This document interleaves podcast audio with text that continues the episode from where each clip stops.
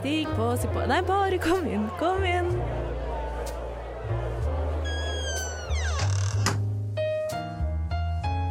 Her i lobbyen er det plass til alle sammen. Velkommen til lobbyen på Radio Nova.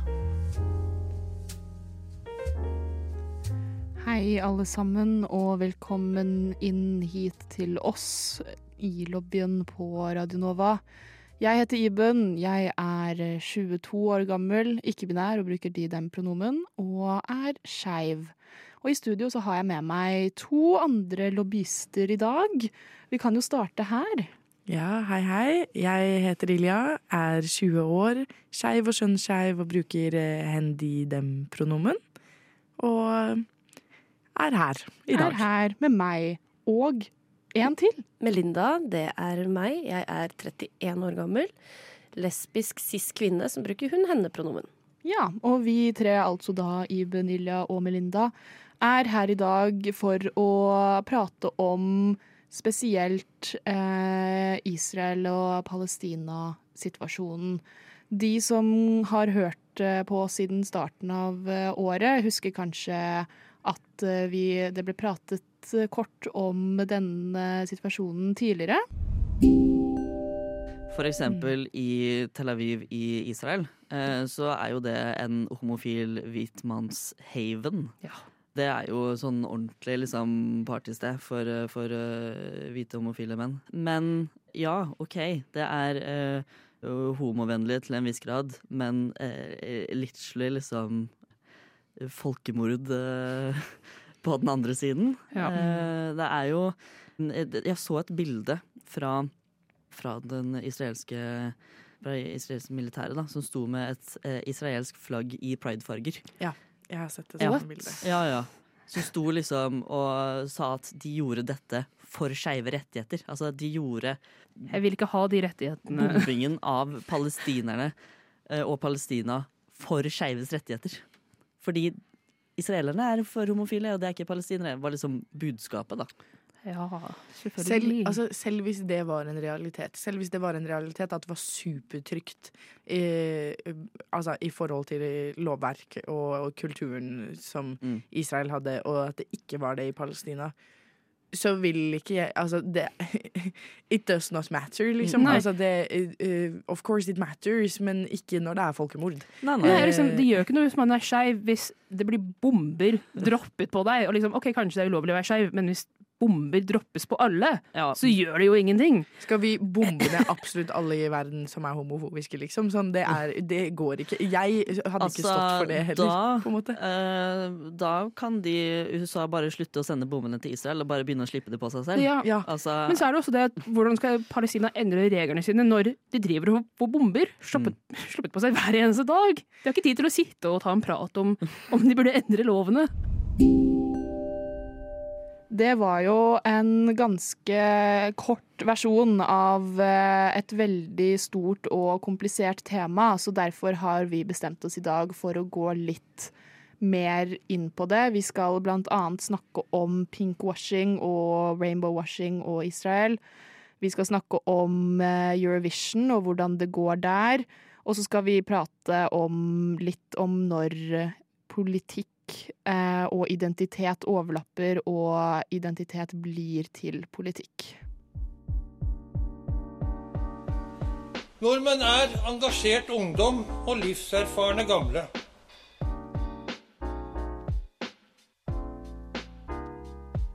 Nordmenn er jenter som er glad i jenter, gutter som er glad i gutter. Og jenter og gutter som er glad i hverandre.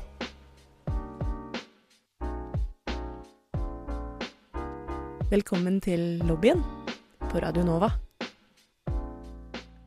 Det er jo ikke noe å legge skjul på at uh, situasjonen mellom eh, Israel og Palestina er utrolig, utrolig komplisert og stor og har pågått uh, lenge. Mye lenger enn eskalasjonen som skjedde etter uh, 7. oktober. Og dette er et tema som er vanskelig å ta opp, og som mange engasjerer seg i. Um, også vi som sitter her i studio i dag, er veget inn, eh, også vi som sitter her i studio i dag, er meget engasjert i dette temaet. Og som et, eh, et skeivt program og en podkast, så er, føler vi oss at vi vil gjerne ta opp eh, litt temaer som kan knyttes til det skeive miljøet. Og i den anledning så hadde vi lyst til å em, diskutere og redegjøre litt for det som heter pinkwashing.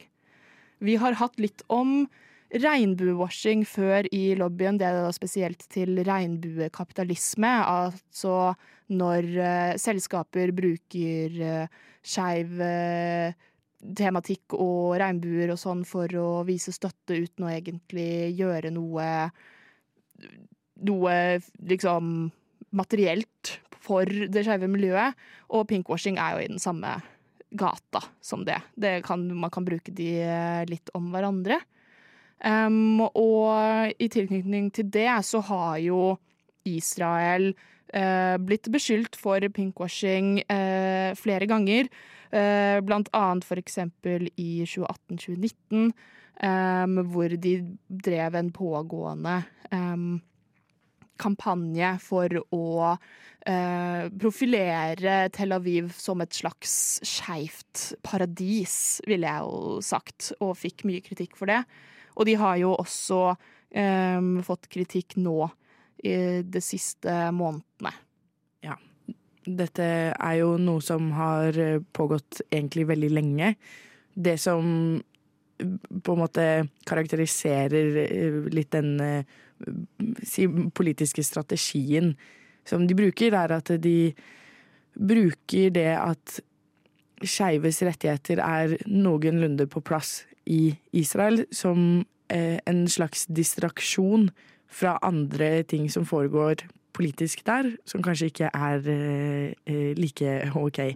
Eh, Israel sier jo ofte selv at eh, ja, men herregud, vi kan jo ikke bli beskyldt for å gjøre noe ondt. Eh, Vi, altså, vi må jo få lov til å si fra at vi har gay rights her, uten at det betyr at vi er ondskapsfulle. Men problemet er jo litt at når det løftes opp som en sånn look at us, we're so great, Ja. så blir det fort problematisk likevel, fordi da bruker man det til å skjerme over andre ting som foregår der, som eksempel folkemordet mot palestinerne.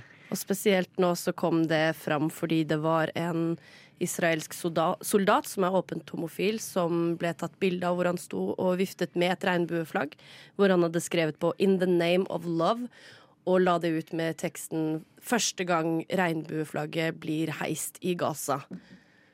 Ja, det ble jo også da i ettertid um, repostet av den offisielle Instagram-kontoen til Israel. Han posta det først på privat uh, Instagram-kontoen sin. Og det viser jo bare på en måte det som vi snakker om her, da. At uh, spesielt den bioen første prideflagget heist i Gaza.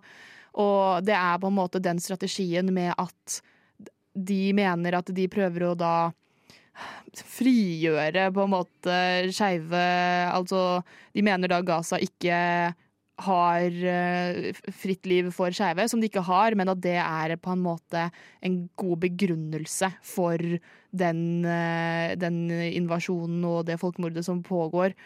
Så det blir på en måte en slags eh, måte å se Vi er Si vi er på en måte bedre, så da er det greit. Ja, for ikke bare er det en måte å løfte seg selv opp, men det er en veldig tydelig måte å eh, på en måte demonize the other side, som da er palestinerne. Og på en måte legge frem at eh, de er less than, de er dårligere mennesker fordi de har ikke skeive rettigheter, bla, bla, bla. Altså, når skulle de hatt tid til å sitte og diskutere politisk om de skal ha skeive rettigheter eller ikke, og gay marriage, eh, når de de har ikke noe sted å bo lenger, og ikke er de anerkjent som land eller stat eller noe som helst.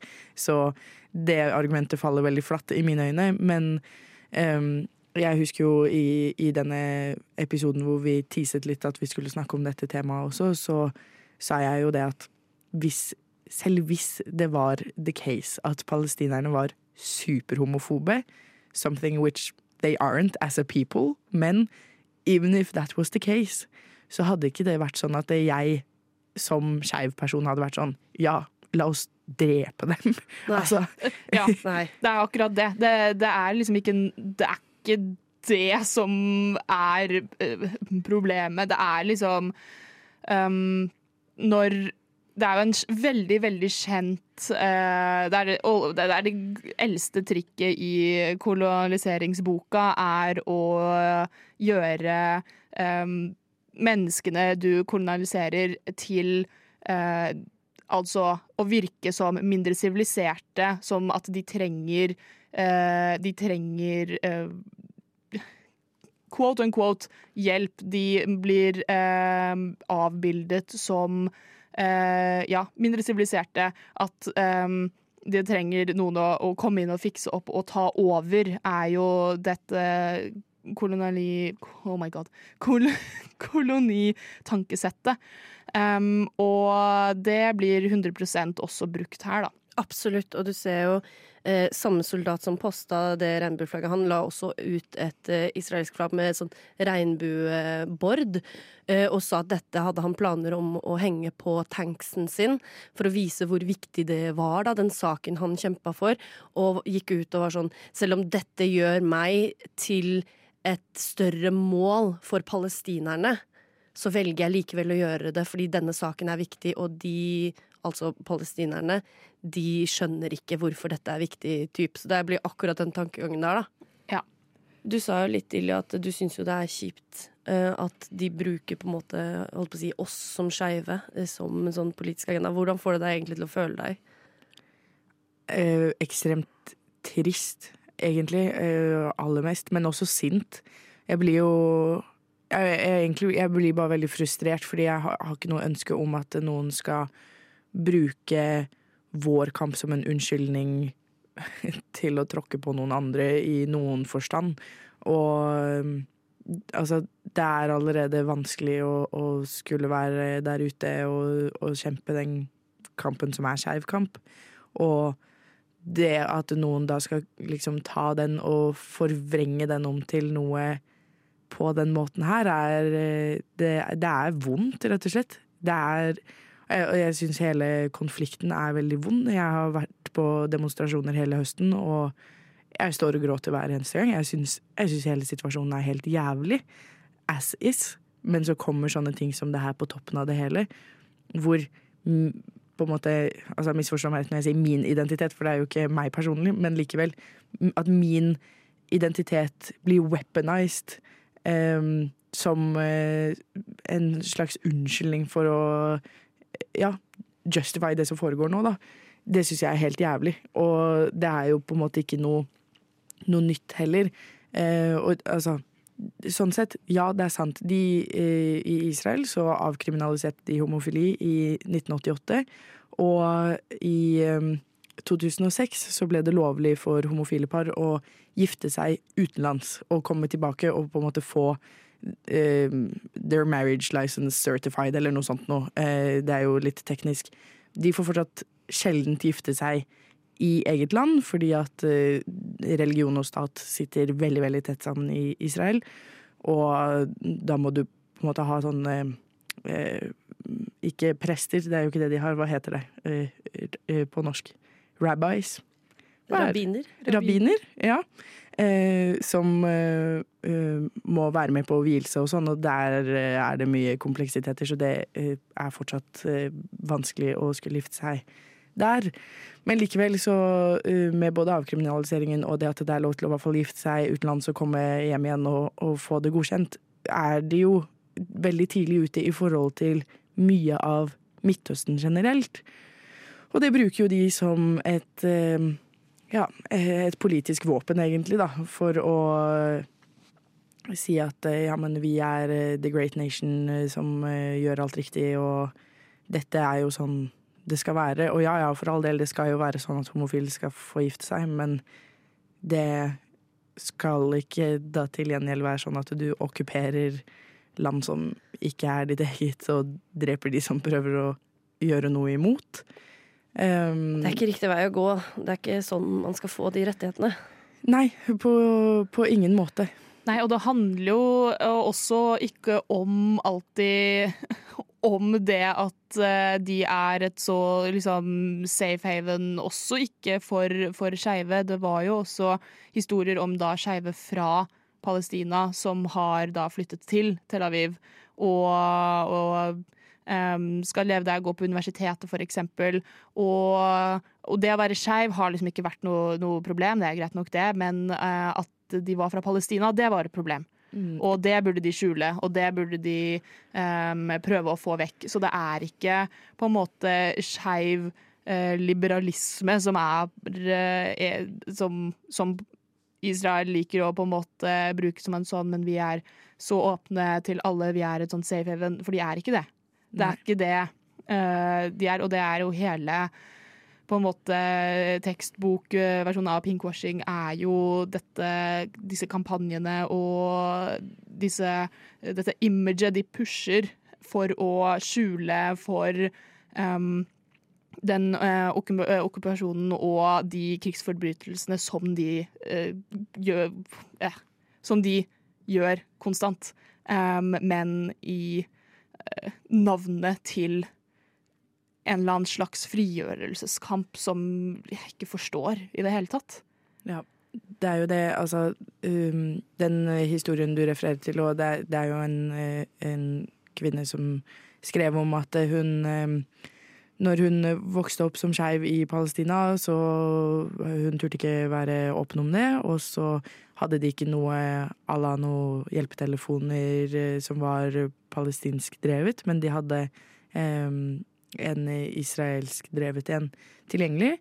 Og så ringte hun dit og fikk liksom eh, eh, tips om at eh, ja, men eh, flytt hit, flytt til Israel. Kom til Tel Aviv, studer her, så kommer du til å kunne leve åpent og fritt som homofil.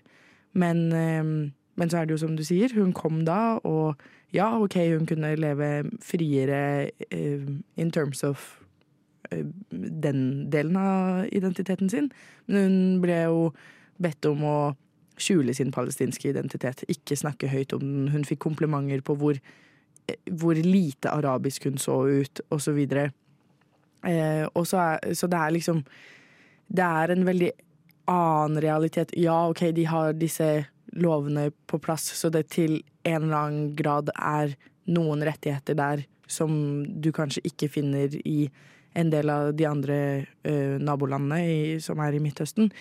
Men så gjelder det på en måte kun for for det første for israelske skeive, eh, eller gjerne hvite homofile menn som drar på eh, gay tourism i Tel Aviv. Det er jo faktisk blitt eh, eh, beskrevet som eh, Altså Israel har blitt beskrevet som the gay mecca of the Middle East og andre slike deskripsjoner, men hvorvidt det stemmer, kan jo diskuteres mye mer, for ved flere anledninger under pride-feiringer så har det jo mm, vært mm, massevis av trusler. Det, det har blitt bomba pride-feiringer der. Flere har blitt drept eh, ved forsøk på å feire pride. Og igjen så gjelder det liksom ikke for da palestinske skeive. Eh, det er flere palestinske skeive som ikke får asyl i Israel, f.eks. når de søker om det, på bakgrunn av at de er palestinere. Eh, og det er også flere homofile palestinere som har kommet ut og fortalt om at de har blitt rett og slett eh, blackmailet av israelsk politi. Eh, hvor, altså, hvor trusselen har vært at vi, vi kommer til å fortelle familien deres eller eh, ja, ikke sant, oute disse menneskene, da. Eh, hvis ikke du gir oss informasjon om hva som foregår eh, i Palestina, sånn at eh, vi kan bruke det som Altså bruke det i militæret vårt. Eh, Jeg tror det er et godt poeng det du nevner måte, med liksom hvite vestlige turister også. Uh, hvordan de har prøvd å etablere Tel Aviv som sånn den mest skeive byen i hele verden. Spesielt før de hadde Eurovision-finalen der i 2016.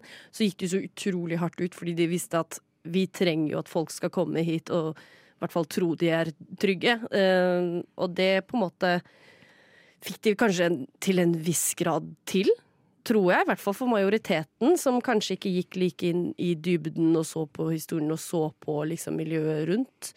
så tror jeg de sånn sett klarte det til en viss grad. Føler dere at folk eh, nå, som kanskje ikke er en del av det skeive miljøet, ser det her som vi ser? Jeg tror ikke de, de ser det, for å være helt uh, ærlig.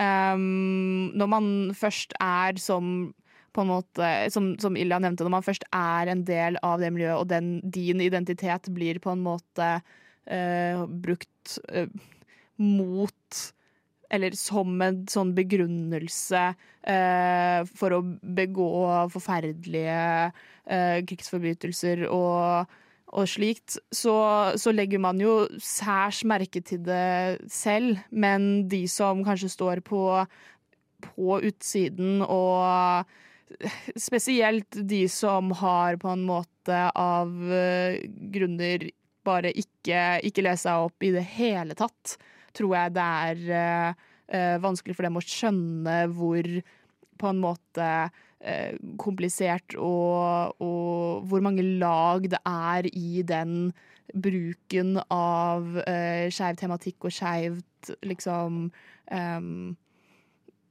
representasjon uh, fra Israel, og hvor, hvor, hva som ligger under, da. Ja, jeg tror også ikke vi skal se bort fra den rasismen som er underliggende her for veldig mange. Altså, Israel speiler jo en del av de vestlige idealene som er, og det kjenner folk i Vesten seg mer igjen i, og de, de ser på en måte mer likheten. Og så er det selvfølgelig mye komplisert også fordi eh, særlig de som er hakket eldre enn oss igjen og har enda nærere relasjon til f.eks. holocaust og andre verdenskrig, syns det er veldig vanskelig å skulle kritisere Israel på noe som helst, fordi at man altså, ønsket jo at Israel skulle Eller altså Opprettelsen av Israel skulle kompensere litt for det som hadde skjedd, ikke sant? og derfor så har nok veldig mange hatt det langt inne og skulle kritisere dem for noe som helst. Men eh, ja, altså når disse store vestlige landene ikke, ikke sant? Her så har vi fortsatt ikke uh, gjort noe boikott mot Israel. Vi har uh, ingen sanksjoner mot Israel. Uh, USA har nylig innført noe, men det har tatt lang tid. Og USA er jo en veldig stor altså, makt oppi det hele, som, som er veldig pro-Israel på generell basis. Og det er jo mye fordi at der er det hvite folk, da, som på en måte speiler våre idealer, og de har gay rights and everything. Så de er mye bedre enn disse usiviliserte araberne som bor i Midtøsten for øvrig, liksom. Um, og det Ja.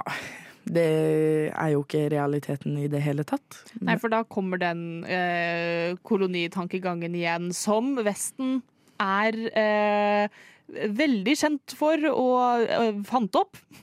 Um, så når uh, Israel uh, bruker de samme taktikkene på å um, på en måte vise uh, Palestina som noe som vestlige makter kan på en måte historisk kjenne seg igjen i, og som de, de bruker akkurat de samme taktikkene som har blitt brukt før. Um, og uansett om man har lyst til å, eller greier å innse det eller ikke, så er det akkurat den samme kolonitankegangen som har blitt brukt tidligere um, av disse da stormaktene, uh, blant annet uh, USA, um, som da på en måte de spiller på de svakhetene uh, Både vestlige på en måte svakheter for å få støtte Um, og da også da, som sagt, svakheter hos uh, uh, de som blir uh, okkupert, fordi de blir framvist som usiviliserte og, og, i noen tilfeller barbariske og sånn. Um, men man må jo også da huske på at Israel forestiller altså Palestina som et sånt usivilisert samfunn, men er på samme tidspunkt en grunn til at eh, Palestina ikke greier, eh, har eh, ressursene, overskuddet, noen ting til å eh, danne et eh, fungerende samfunn. Fordi de blir eh, bombardert og ødelagt og okkupert til enhver tid. Så det er en sånn slags ond sirkel som man må være klar over uh, i når man ser uh, propaganda og slikt fra, fra den israelske staten om, om i Palestina, da. The ministry has the pleasure to co-host this event with Lobbyen at Radio Nova. Thank you very much. I, I much appreciate it. Thank you for your attention. Fra en eh, type skeiv tematikk til eh, den andre. Eh, vi tenkte også at vi må ta opp Eurovision og alt diskursen rundt årets Eurovision Song Contest. Um, no, sånn situasjonen er akkurat i opptagende stund. Den er veldig, veldig eh, vaklende. Det skjer mye ting hele tiden. Men det er nå fire dager siden Israel valgte sin utøver for Eurovision Song Contest eh, 2024. Um, det er jo eh, en, en ung, ung jente. jente. Um, eh, og det er eh, en pågående eh, mye, mye som skjer. Det er mye som Det er skjer. mye som skjer. Vi er jo veldig redde for at det har skjedd enda en ting til eh, når denne Ja, det er- episoden kommer ut. Det er på en måte det er mye som skjer, men det er også utrolig lite som skjer. Det er ikke nok som skjer. Det er Nei. helt klart, eller det er én ting som burde ha skjedd for veldig lenge siden, og det er den eneste tingen som ikke har skjedd, og det er at Israel eh, blir kasta ut og ikke får lov til å delta. Ja, Ja. Det ser jo ikke sånn ut, men det som skjer er jo det er jo veldig mange eh, land som skal delta i Eurovision, som både har signert opprop som blir levert, de går ut i media. Der uh, Ilja fortalte selv i stad at du er med på diverse protester. Du har vært på protester i hele høst. Ting skjer, eh, men så skjer det ikke. Ja. Det oppsummerer jo for øvrig ganske greit. Her til lands så har det jo vært eh, et eh, stort opprop eh, med veldig mange kjente norske artister. Da, I skrivende stund, holdt jeg på å si. I snakkende stund så er det over 300 norske artister som har signert for å utestenge Israel eh, fra Eurovision.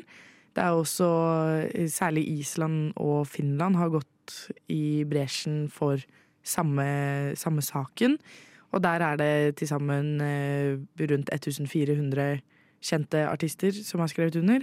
I tillegg så er det jo et drøss med eh, helt eh, vanlige folk, si, som har skrevet under på massevis av forskjellige kampanjer for å få de ut.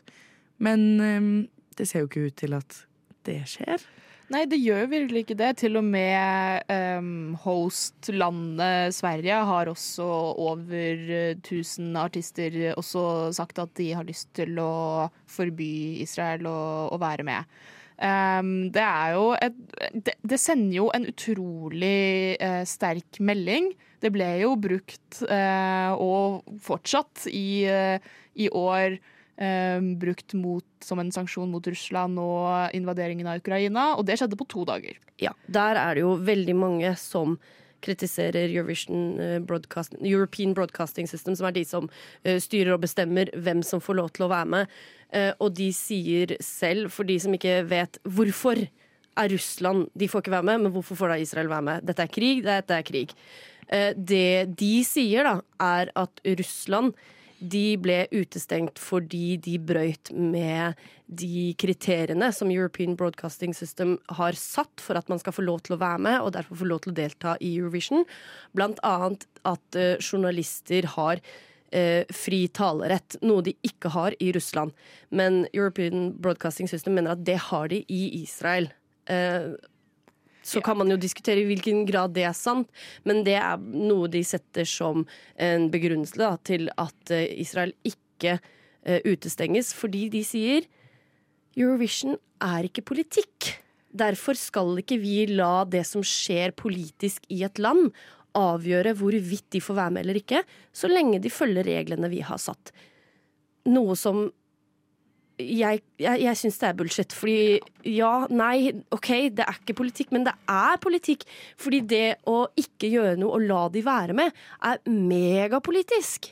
Det er kjempepolitisk, og det er eh, Altså, stillhet er samtykke, liksom. Hvis man ikke sier noe imot det, så kan man Da sier man ikke noe imot det. Og her foregår det eh, megastore forbrytelser mot en folkegruppe. Og denne folkegruppen har jo ikke engang eh, status som en stat, så de har ikke engang noe å si der. Det er jo ikke engang invasjon av et annet land. i Ifølge liksom Liksom, hvis man skal si, være sånn kjempesånn regler. Og det er derfor også det blir så vanskelig med Det er derfor disse liksom, smutthullene kommer da, for uh, Eurovision Broadcast. For å liksom si ja, men det er upolitisk og bla, bla, bla. bla, bla. Uh, men det er, det er, bare tull. Ja, det er jo kanskje derfor jeg vil si at det er enda verre at de lar Israel være med enn altså Misforstå meg rett, for jeg mener ikke at Russland skulle fått fortsette å være med heller. Nå kan de for øvrig ikke, fordi at de som svar på at de ble utstengt, så meldte de seg ut av hele EBU, og du må være medlem av EBU for å eh, få lov til å være med. Så de, det er ikke helt alternativ i år uansett. Men eh, altså, der hadde jo i hvert fall selv hvis Russland hadde fått, eh, fått fortsette å være med, så hadde Ukraina også vært med. Så da hadde du jo i hvert fall hatt begge partene representert i konkurransen. Mens det kommer man ikke til å ha nå. Så når man lar Israel være med, så lar man de være med. Men Palestina fordi altså, For det første, som vi allerede har vært inne på, når the fuck skulle de hatt tid til å sitte og være sånn hm, hvem skal vi sende til Eurovision, guys? La oss ha en nei, liten nei. Mello, liksom. Det kommer ikke til å skje, det. Nei, det gjør det jo ikke. Så eh, det er på en måte ikke realistisk at de skulle ha fått til å sendt noen selv hvis de var anerkjent som land, men så er de også ikke eh, anerkjent som, som, en selvstendig stat, og derfor ha, har de Altså, de har jo liksom ikke muligheten til å være med at all. Så ved å la Israel fortsatt være med, så har du virkelig Du har bare én side av saken. Og mm, det er jo veldig tydelig at dette her for det første, det har alltid vært politisk. Det er ikke noe nytt at det er politisk. Det så vi veldig tydelig når det var Russland øh, øh, Russland øh, som øh, startet krig mot Ukraina, og de ble utstengt. Ukraina vant jo hele Eurovision. Og ja, ja, de hadde et veldig bra bidrag. Jeg digga det bidraget, men det er Altså ja. La oss eh, kalle en spade for en spade, på en måte. Det, det var jo absolutt politisk at de vant. de fikk garantert veldig mange stemmer basert på eh, rett og slett at man ønsket å vise støtte. Det også var det jo mange som kritiserte, som jeg for øvrig ikke forstår. For jeg tenker at eh, even if det var liksom sympatistemmer, så fortjente de det jo faen meg, så det må være greit. Men nå så har jo hun her eh, Eden Golan, da, som er uh, vinneren uh, av Israels sånn interne utvelgelse av hvem som skal sendes til Eurovision. Hun vant jo med uh, med fremførelsen av Aerosmiths I Don't Want To Miss A Thing, som hun selv har sagt at hun dedikerte sangen til de 130 israelske ja, the 130 Israeli hostages being held in Gaza quote, We won't truly be okay until everyone returns home. Sånn at det er ganske åpenbart at eh, Israel selv kommer til å bringe et ganske så politisk budskap inn i Eurovision. Så argumentet om at eh, ja, men dette skal ikke være politisk, det holder jo ikke Altså, du får ingen medhold, faktisk, i at dette er en upolitisk eh, konkurranse. Alle sånne ting er megapolitisk. Eurovision ble jo founda fordi vi skulle liksom ja, altså Det var jo i etterkant av andre verdenskrig, og fordi at vi skulle ha uh, peace and love og Ja, ja, hele verden skulle gå sammen og være enige om det. Ja. Og det som vi kan risikere nå, da sånn Vi har jo nå i løpet av vår samtale ganske tydelig med våre meninger, men det er jo mange som ikke er enig med oss. Uh, og Israel er en ganske etablert land i Eurovision. De har vært med 45 ganger, og de har vunnet fire. Og sist da i 2019. Jeg tror jeg sa 2016 i stad, men det var feil. Det er 2019 i hvert fall. Så det, man risikerer jo at de kan gjøre det potensielt sett ganske bra. Ja, og uh, even more so er jo det egentlig litt en bekymring nå, fordi at uh, nå er det så mange som snakker om boikott av mm. Eurovision. Og det var for øvrig noe jeg ikke hadde tenkt på før medlobbyist Priya uh, tok det opp. At OK, men hva skjer hvis alle som er mot Israels deltakelse, boikotter og ikke ser på Eurovision, og dermed heller ikke stemmer på noen? Mm -hmm.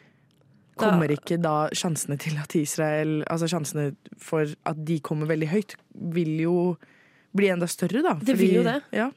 Ja, da kommer jo eh, da, kom, da kan vi jo stå i fare at eh, det skjer det samme da som skjedde med Uh, Ukraina. Mhm. Av uh, ja, at det kommer til å gå mye stemmer til uh, et land som driver og prøver å etablere seg som et offer. Um, og spesielt med da denne begrunnelsen og eh, denne dedikasjonen til eh, isra israelsk bidrag. Um, og det kommer sikkert til å bli eh, prat om det fra scenen i mikrofoner og litt eh, eh, altså det, å, det skal jo ikke være politisk, men folk har vært eh, veldig flinke også tidligere til å være snikpolitiske. Um, eh, og det kommer nok til å forhåpentligvis liksom, skje fra, fra begge sider. Um, men eh, det er akkurat som det blir sagt her, at ved å på en måte boikotte helt og gå helt bort fra det, eh, selv om det kanskje det bør på en måte prøve å bli gjort før og av hele land, ikke bare av da seere. Eh, Det er jo det som blir eh, prøvd i, um, i, ja, i, i Finland og Island og sånn, at de vil jo at hele landet skal trekke seg hvis, eh, hvis Israel får lov til å være med. Eh, Fordi hvis enkeltpersoner bare trekker seg, så står vi jo da i fare for at alle de som er igjen, er jo da um, kommer, kommer mange stemmer til å gå til Israel, da. Ja, Mm. rett og slett. Og det er jo noe med at hvis nok, eh, hvis nok bidrag trekker seg, altså faktiske bidrag, og ikke bare seere som truer med det, fordi oss som seere kan true med det nå, og så vet man ikke hva som skjer når selve sendingen kommer ut. Og det er ikke sikkert at det blir nok press for at det skjer noen endring, men hvis bidragene begynner å trekke seg, så vil de til slutt ikke ha noen konkurranse. Hvis det bare er tre land igjen, på en måte. Altså Mm. hvis, hvis nok kringkastere tør å være litt på banen og gå frem og si at vet du hva, det her er ikke greit, og trekke bidragene sine, så vil det faktisk kunne bli et reelt nok press på EBU til at de må ta en ny avgjørelse og faktisk velge å utestenge Israel. Eh, Men så spørs det om det kommer til å skje. Og så er det jo andre måter selvfølgelig som man kan vise sin, eh, eh, sin støtte på, men det er ikke bare lett det heller, fordi at de har denne visjonen om at alt skal være så upolitisk og bla, bla, bla, bla. bla. For eksempel når de hadde Eurovision-finalen i Israel i da 2019, så um, Altså, eller jo, det var vel De hadde den der. Ja, det var i Tel Aviv. I Tel Aviv, ja. Stemmer. Mm. Ja. Og da eh, eh, hadde jo Finland eh, sitt eh, Nei, Island sitt bidrag, beklager. Hatari. De satt jo i eh, Altså de, disse her båsene som på en måte hvert land eh, sitter i under Eurovision. De satt der med masse palestinske flagg. Helt stille. Altså de løp ikke opp på scenen og gjorde masse greier, men de hadde masse palestinske flagg. Og det fikk de ganske heftige bøter for etterpå. Så da blir det litt sånn OK, så vi skal la Israel stå på scenen og synge om eh, at eh, vårt folk må bli fri og bla, bla, bla. Men så skal vi ikke få lov til å ha et palestinsk flagg engang, da? Eller altså, hvordan skal det bli? Nå, selv her internt i Norge, så har jo Det skjedde jo at eh, på den ene demonstrasjonen jeg var med på, så var det en sånn die-in-demonstrasjon utenfor NRK-huset ved første innspilling av første delfinale i eh, MGP. Og da begynte dørvaktene å nekte folk som skulle inn og se på, eh, som hadde på seg palestinaskjerf. De fikk ikke komme inn. For, Mm. Og det var jo fordi at de mistenk, eh, mistenkeliggjorde dem som demonstranter som kanskje skulle finne på noe tull der inne. Som jo er forståelig til en viss grad at de har en jobb og de skal beholde freden, men samtidig, hvis det da blir sånn at man ikke engang kan ha på seg et palestinaskjerf inn på Eurovision, så vil man jo virkelig ha én side veldig mye bedre representert enn den andre. Da kan det ikke det upolitiske Nei. argumentet stå i det hele tatt. Nei. Eh, For da eh, Det er et utrolig politisk statement å ikke eh, ikke la noen representere en side, liksom. På en måte, altså Det skal være totalt uh, upolitisk, så da, kan man jo skulle, da skulle man jo kunne gå med hva man vil, eller veive hvilket flagg man vil, eller noen ting, fordi det er jo ikke, det er jo ikke politisk, Mm. sier de jo. Men det, det kommer jo til å bli markeringer under Eurovision. Også, ja, Du nevnte jo Hatari fra Tel Aviv i 2019. Men det var også det året hvor Madonna hadde pausenummeret. Jeg vet ikke om dere husker det, men Hun hadde jo danset blant annet norske Mona, Mona Berntsen var med i, og dansa i det nummeret. Og hun hadde det palestinske flagget på ryggen, som var på en måte avslutningsnummeret på hele showet. Var to dansere med israelsk flagg og palestinsk flagg. Og det var på en måte før dette her skjedde nå igjen, på en måte. Så det kommer jo til å bli mye greier. Ja, det kommer til å bli masse, masse greier, og så må man jo Vi får se, altså Det er en uh, alltid om Alltid utviklende situasjon når det kommer til Eurovision akkurat nå. Ja, og per nå så på en måte vet vi jo ikke Gåte, som er det norske bidraget etter at de vant uh, Melodi Grand Prix, de har sagt sånn Vi må ta en diskusjon innad i bandet om vi i det hele tatt skal delta. Uh, jeg ser jo for meg, Dette er min teori, da, at de kommer ikke til å trekke seg, de kommer til å dra. Uh, fordi hvis de trekker seg, så kommer Keiino til å si hei, vi tar det. Men ja. eventuelt hvis de gjør noe Gåte er jo kjent for å ha bein i nesa, liksom. Ser for meg kanskje de går opp på scenen, skal gjøre sitt nummer og er en litt sånn fuck you, og så Free Palestine, og kanskje går ned igjen. ja, det kan du si. Det er altså, tror dere at noen Tror dere at folk kommer til å være med, men kanskje gjøre noe stort ut av det som eksempel ikke synge, eller Jeg håper det, tror det. Jeg, jeg, håper jo det, jeg også, men uh, Faren da er jo at da kan du jo bli utestengt fra EBU. ja. Og aldri få være med igjen. Men er, er det kanskje, verdt det? Ja, kanskje det er en sjanse Jeg tror det er verdt det når EBU skal fortsette å drive med sin uh, uh, apolitiske propaganda, men fortsatt være veldig politisk og dobbeltmoralsk. Kanskje Israel Nei, Israel. Eh, Island kan gå sammen med gåta, så kan vi lage vår egen Eurovision. Litt sånn semi-Skandinavia, ja. Norden-Eurovision-greie. ja, ja, ja, ja. Det syns jeg absolutt. Jeg, altså, jeg syns jo jeg synes det er veldig kjipt, hvis jeg skal være helt ærlig, at jeg ikke kan se på. Fordi Eurovision har vært det har, altså, det har vært en stor del av livet mitt, føler jeg. Det er jo en folkefest. Jeg, altså, jeg har aldri vært her fysisk, men, men, jeg gleder meg hvert eneste år til å sitte og se på det. Det er alltid god stemning, og det er gjerne vi samler en gjeng og har fest, og det er liksom Det er gøy, rett og slett. Og mm, det har jo altså, Litt av bakgrunnen til at det, kanskje akkurat vi også snakker om dette, er jo fordi at Eurovision har ofte vært eller blitt en litt sånn skeiv Mm, fest.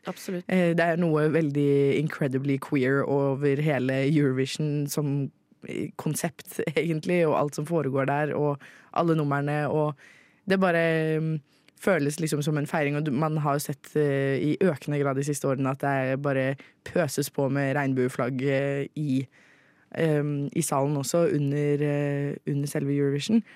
Og det, det, det er faktisk litt sårt å ikke kunne se på, og det føles så teit, fordi altså, jeg bor her og er superprivilegert og trenger ikke å, å være redd mitt eget liv hver eneste dag, men um men likevel skal jeg sitte og klage på at ikke jeg kan se på TV litt Ja, men, en kveld. Det blir igjen det samme med at en del av på en måte eh, skeiv kultur og liv og sånn eh, blir liksom brukt til å da eh, dekke over eller promotere noe som altså ikke står på linje med det eh, skeivt liv og skeiv kamp er om i det hele tatt.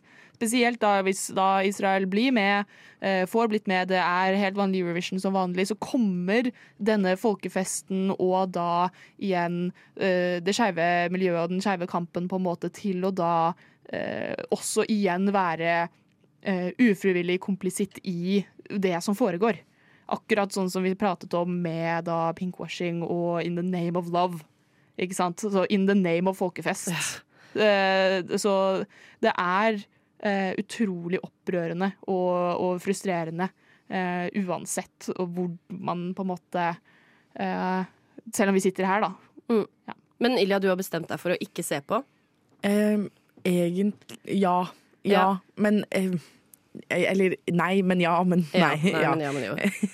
Eh, jeg, har jo, jeg har jo nå ikke sett på MGP i, i Norge, og der var jeg også veldig i tvil, men så bare ble det egentlig litt sånn. Også fordi at eh, den første delfinalen så lå jeg utenfor NRK med pressevest og blod på meg, så Mm. da var det ikke aktuelt å gå hjem og se på etterpå. Og etter det så har jeg bare hatt en litt sånn dårlig magefølelse rundt hele greia. Jeg bare kjenner at det er ikke den eh, festligheten å skulle skru på det TV-programmet i det hele tatt, eh, sånn som det har føltes som tidligere, fordi at det er så politisert akkurat nå.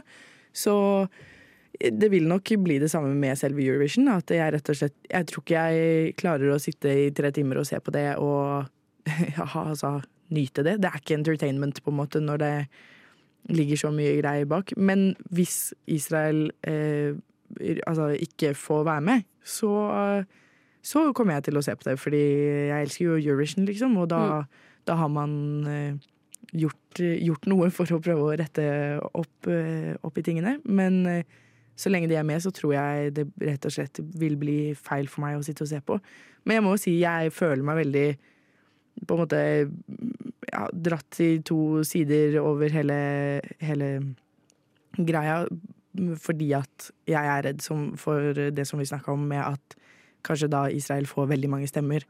Og eh, det hadde som sagt det hadde vært veldig mye lettere hvis Palestina var med, for da kunne jeg bare sendt en stemme dit uten å se på. Og så hadde jeg på en måte fortsatt gjort noe for å counteract eh, Israels deltakelse, mens nå så er jeg litt sånn Hva skal jeg gjøre da? And the 12 points. Le 12 points. Our 12 points goes to.